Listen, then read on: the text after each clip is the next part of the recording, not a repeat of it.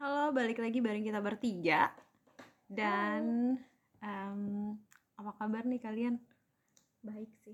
Baik ya? Alhamdulillah. Alhamdulillah baik ya. Dalam kondisi sehat jiwa dan raga. Iya, iya, iya. Kebetulan Iyanya- sih iya.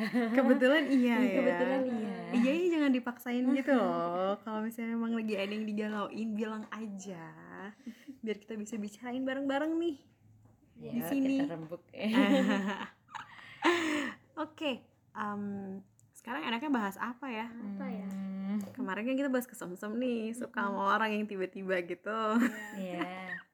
Sekarang enaknya bahas apa ya? Kelanjutannya dong. Kelanjutannya dong. Kelanjutannya dong. Kelanjutannya. Abis kesemsem jadi cinta. Cinta. Abis cinta Lebih tinggi lagi Lebih tingkatannya tinggi lagi, apa lebih ya? tinggi. Komitmennya, komitmennya langsung menikah nih. Iya. berarti. Itu. Kayaknya asik ngebahas itu tuh. Asik sih, asik sih kalau kita ngebahas tentang menikah. Oke, kita mulai ngebahas tentang menikah aja ya. Oke. Kalau misalnya kita ngebahas tentang menikah, yang kalian yang ada di dalam bayangan atau pikiran kalian itu seperti apa? Pernikahan. Rumit enggak sih pernikahan? Rumit. iya, iya bisa jadi sih rumit. Proses, proses. Proses. Kalau aku sih pernikahan itu menjalani hidup bareng-bareng sama seseorang. Iya. Oke, jadi itu kalau menurut aku sih pernikahan seperti itu. Jadi kayak kita ngejalanin proses bareng-bareng yang sekarang tuh ada temennya gitu. Kalau dulu kan misalnya sebelum menikah jalannya ya menjalani hidupnya ya sendiri gitu, membuat perencanaan, menjalani kehidupan, keseharian itu sendiri. Eh, ketika menikah tuh udah ada temennya. Jadi ketika ada keluh kesah tuh ada tempat ceritanya. Kemudian kita tahu bahwa ketika kita menjalankan sebuah uh, mencapai sebuah tujuan tuh ada teman rembuknya juga kayak gitu. Kalau aku bayangin pernikahan seperti itu sih. Teman rembuk. Teman rembuk, partner hidup. Oh, teman hidup kalau kata tulus ya. Benar, tuh, eh betul. Teman hidup. Betul banget. Bener sih. Kalau menurut kalian sebelum nikah tuh perlu nyiapin sesuatu nggak sih? Perlu sih kayak nyiapin diri kita kayak saling tahu Saling tahu. ya. antara karakter sama pasangan keluarganya dia budayanya kayak gimana keluarga kita budayanya kayak gimana match nggak kayak gitu juga itu penting sih kalau menurut aku kak Eh, bener-bener penting banget tuh. Mm-mm.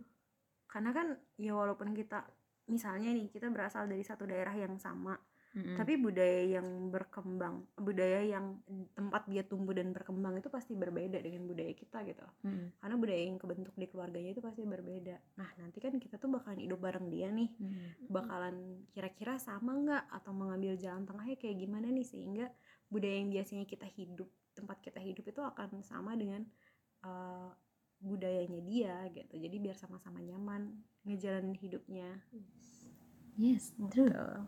Tapi yang jadi pertanyaanku kak, sebenarnya kalau mau menikah itu apa aja sih yang harus disiapkan?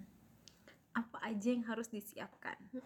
selain tadi yang udah disebutin ya yang berkaitan dengan mengetahui karakternya seperti apa eh, budayanya seperti apa budayanya keluarganya dia seperti apa gitu menurut aku penting juga untuk membicarakan mengenai pemahaman dia mengenai sebuah pernikahan itu apa sih? Bagaimana dia memandang pernikahan gitu.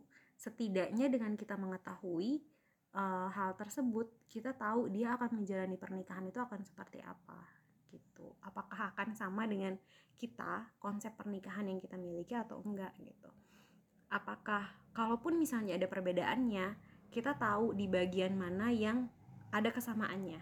Misalnya memandang pernikahan itu adalah banyak banget rentetannya mulai dari kayak eh, yang berkaitan dengan menyatukan dua keluarga, kemudian menyamakan persepsi, mengetahui pola asuh seperti apa gitu. Terus sedangkan dari kita sendiri eh, pandangan tentang pernikahan itu ada perbedaan nih dengan apa yang sudah dia sampaikan gitu. Seenggaknya walaupun ada perbedaan, kita lihat ada kesamaan. Oh, ternyata di pola asuh pemahaman dia tentang pola asuh terhadap anak itu sama nih dengan pola asuh yang aku pengenin. Untuk hal-hal yang lainnya berarti bisa nggak sih aku sama dia kompromikan gitu, Oh, pahami satu sama lain gitu. Jadi kita seenggaknya tahu dia memandang pernikahan seperti apa kita memandang pernikahan seperti apa dia juga tahu gitu Jadi hal utama yang perlu diperhatikan adalah bagaimana cara pasangan kita eh, memahami, menilai arti dari sebuah pernikahan itu gitu. Hmm, betul. Karena bisa jadi nanti misalnya nih kita ketemu orang nih, chemistry-nya udah dapet, Mm-mm. udah suka nih, udah sayang, sudah mulai berpikir untuk oke kayaknya eh, aku mau nih ke komitmen yang lebih serius, tidak hanya berpacaran, tapi pengen ke pernikahan gitu. Nah, ternyata tadi memandang pernikahan sebagai ya udah ketika aku sudah menikah, di mana pun aku berada saat ini itu adalah titik terakhirku. Jadi Hmm. misalnya. Pekerjaan pada saat itu posisinya misalnya di level staff atau manager.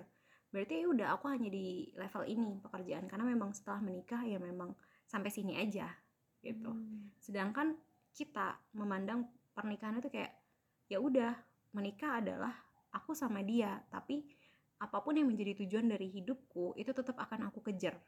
Nah kalau misalnya berbeda kayak gitu kan eh, mau nggak mau kita harus menyampaikan kepada pasangan nih. Iya, iya, kalau misalnya aku ngejalanin hidupnya kayak gimana kayak gini kamu gimana?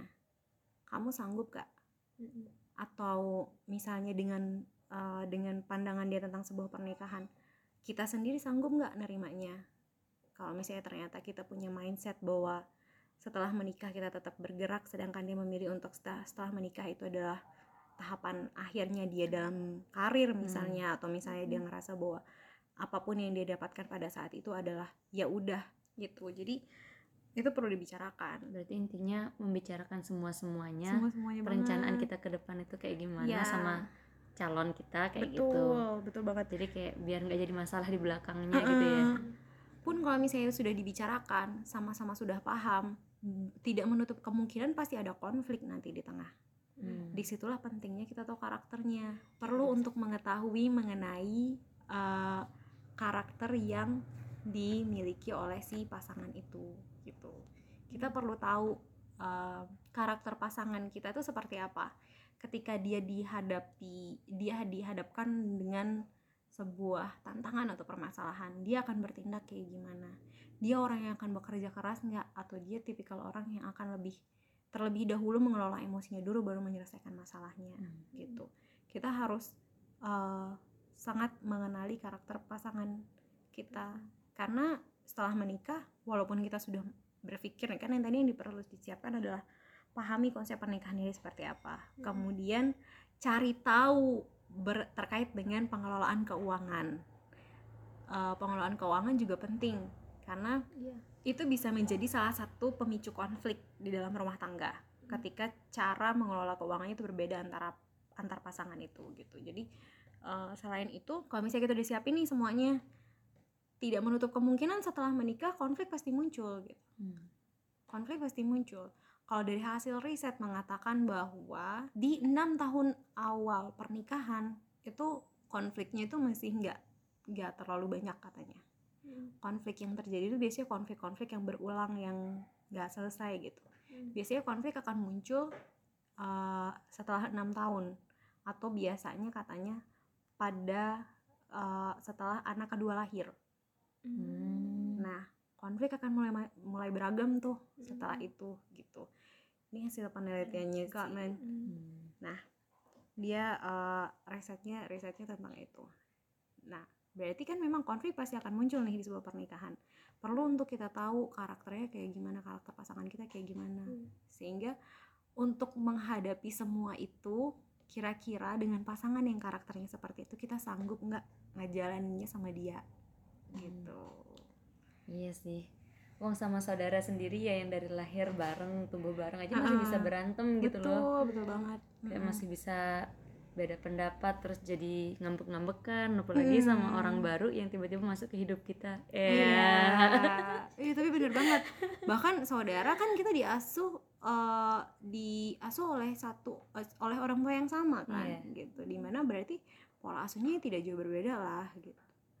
Apalagi dari orang tua yang sangat amat berbeda ya, Hmm. pasti adalah konflik-konflik yang muncul. Kitanya sanggup nggak ngejalaninnya sama dia, gitu. Betul. Bisa dilihat dari zaman-zaman PDKT-an lah. Dari zaman-zaman PDKT-an makanya uh, ini sebenarnya sedikit tricky sih. Karena ketika kita sudah ada di dalam hubungan pacaran itu kan berarti sudah ada cinta tuh. Sudah ada cinta. Nah kadang cinta itu yang uh, mengalihkan kita dari sebuah logika atau fakta tentang si pasangan kita itu. Kadang kadang uh, dosis cinta atau intensitas cinta yang kita rasakan ke orang itu tuh bisa bisa membuat kita kompromis oh iya Jadi kayak- kompromis. oh, nggak apa-apa kok paling juga nanti dia berubah. Aduh. Paling nanti setelah menikah dia berubah kayak gitu. Tapi ternyata justru lebih ini. Bisa jadi bisa, bisa, jadi. bisa jadi beneran berubah gitu. Tapi no one knows apa yang bakalan terjadi setelah Iya. itu gitu.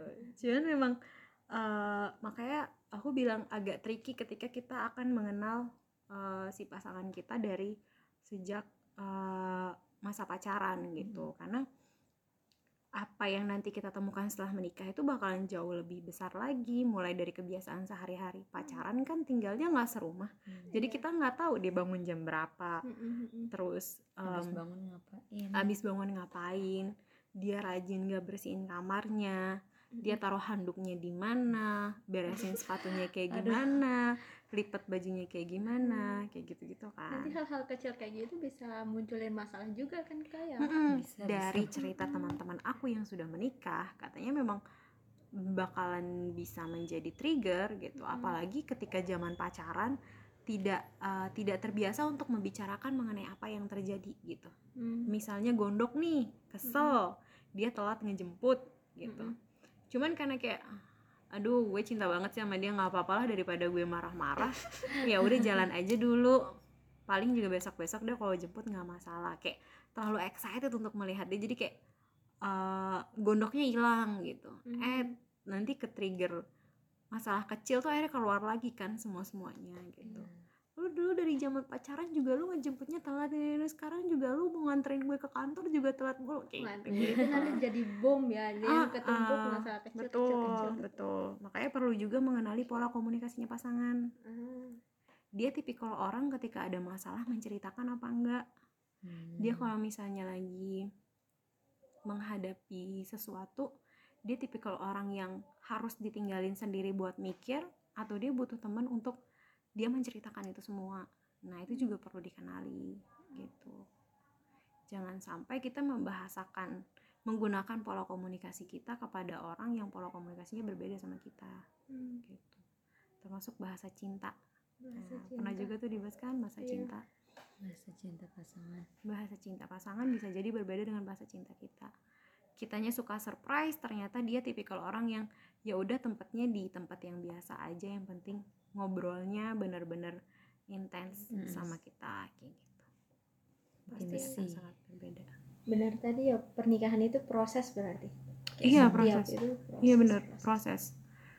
long time proses ah lang- seumur hidup lah gitu mah karena siapa sih yang nggak mau pernikahannya seumur hidup ya Iya. gitu jadi bener-bener long time proses banget jadi kudu kudu bener-bener memperhatikan aku sanggup nggak menjalani hidupku Nah. selamanya bersama dia nah itu dia pertanyaan terbesarnya sih Iya, betul. sanggup nggak maksudnya cuma pernikahan nih hidup cuma sama satu orang gitu kan Hmm. Si doi doang gitu setiap hari bangun tidur dia lagi Hmm, tidur betul. dia lagi kayak gitu Betul kan banget. kayak siap nggak apalagi sama sifat-sifatnya dia nanti belajar lagi gimana pas sudah jadi suami jadi bapak kayak gitu kan Hmm. pasti ada proses yang berbeda-beda kan Iya, dari betul, tiap betul. tahapan Dan pernikahan itu pasti ada perubahan karakter Mm-mm. karena setiap proses yang kita jalani di hidup kita tuh pasti akan merubah kita menjadi orang yang orang yang berbeda gitu Hmm. loh Mm.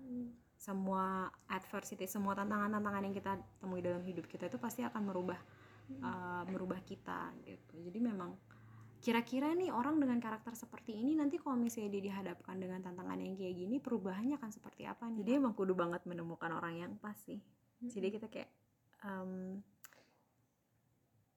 kayak pernah nih uh, uh, aku ngutip dari filmnya Little Woman ketika si Meg mau menikah dia bilang kayak I know this life will be miserable and a lot of struggle but I wanted to be with him gitu. Jadi kayak dia memang bak- dia bakalan tahu ke depannya kehidupan dia nggak bakalan seenak itu tapi dia mau. Dan dia mau ngejalanin itu sama sama si cowoknya mereka mau Gitu. berproses bersama iya betul banget berproses berarti bersama nyari orang yang mau proses bareng-bareng gitu loh berproses Exactly, bersama berproses gitu ya bersama. ampun. Jadi kalau cuma misalnya nih kita aja yang mau maju tapi doi diem aja di tempat kan menyakitkan gitu Ih, ya. bener Oh, banget bener banget Iya, bener banget itu jadi.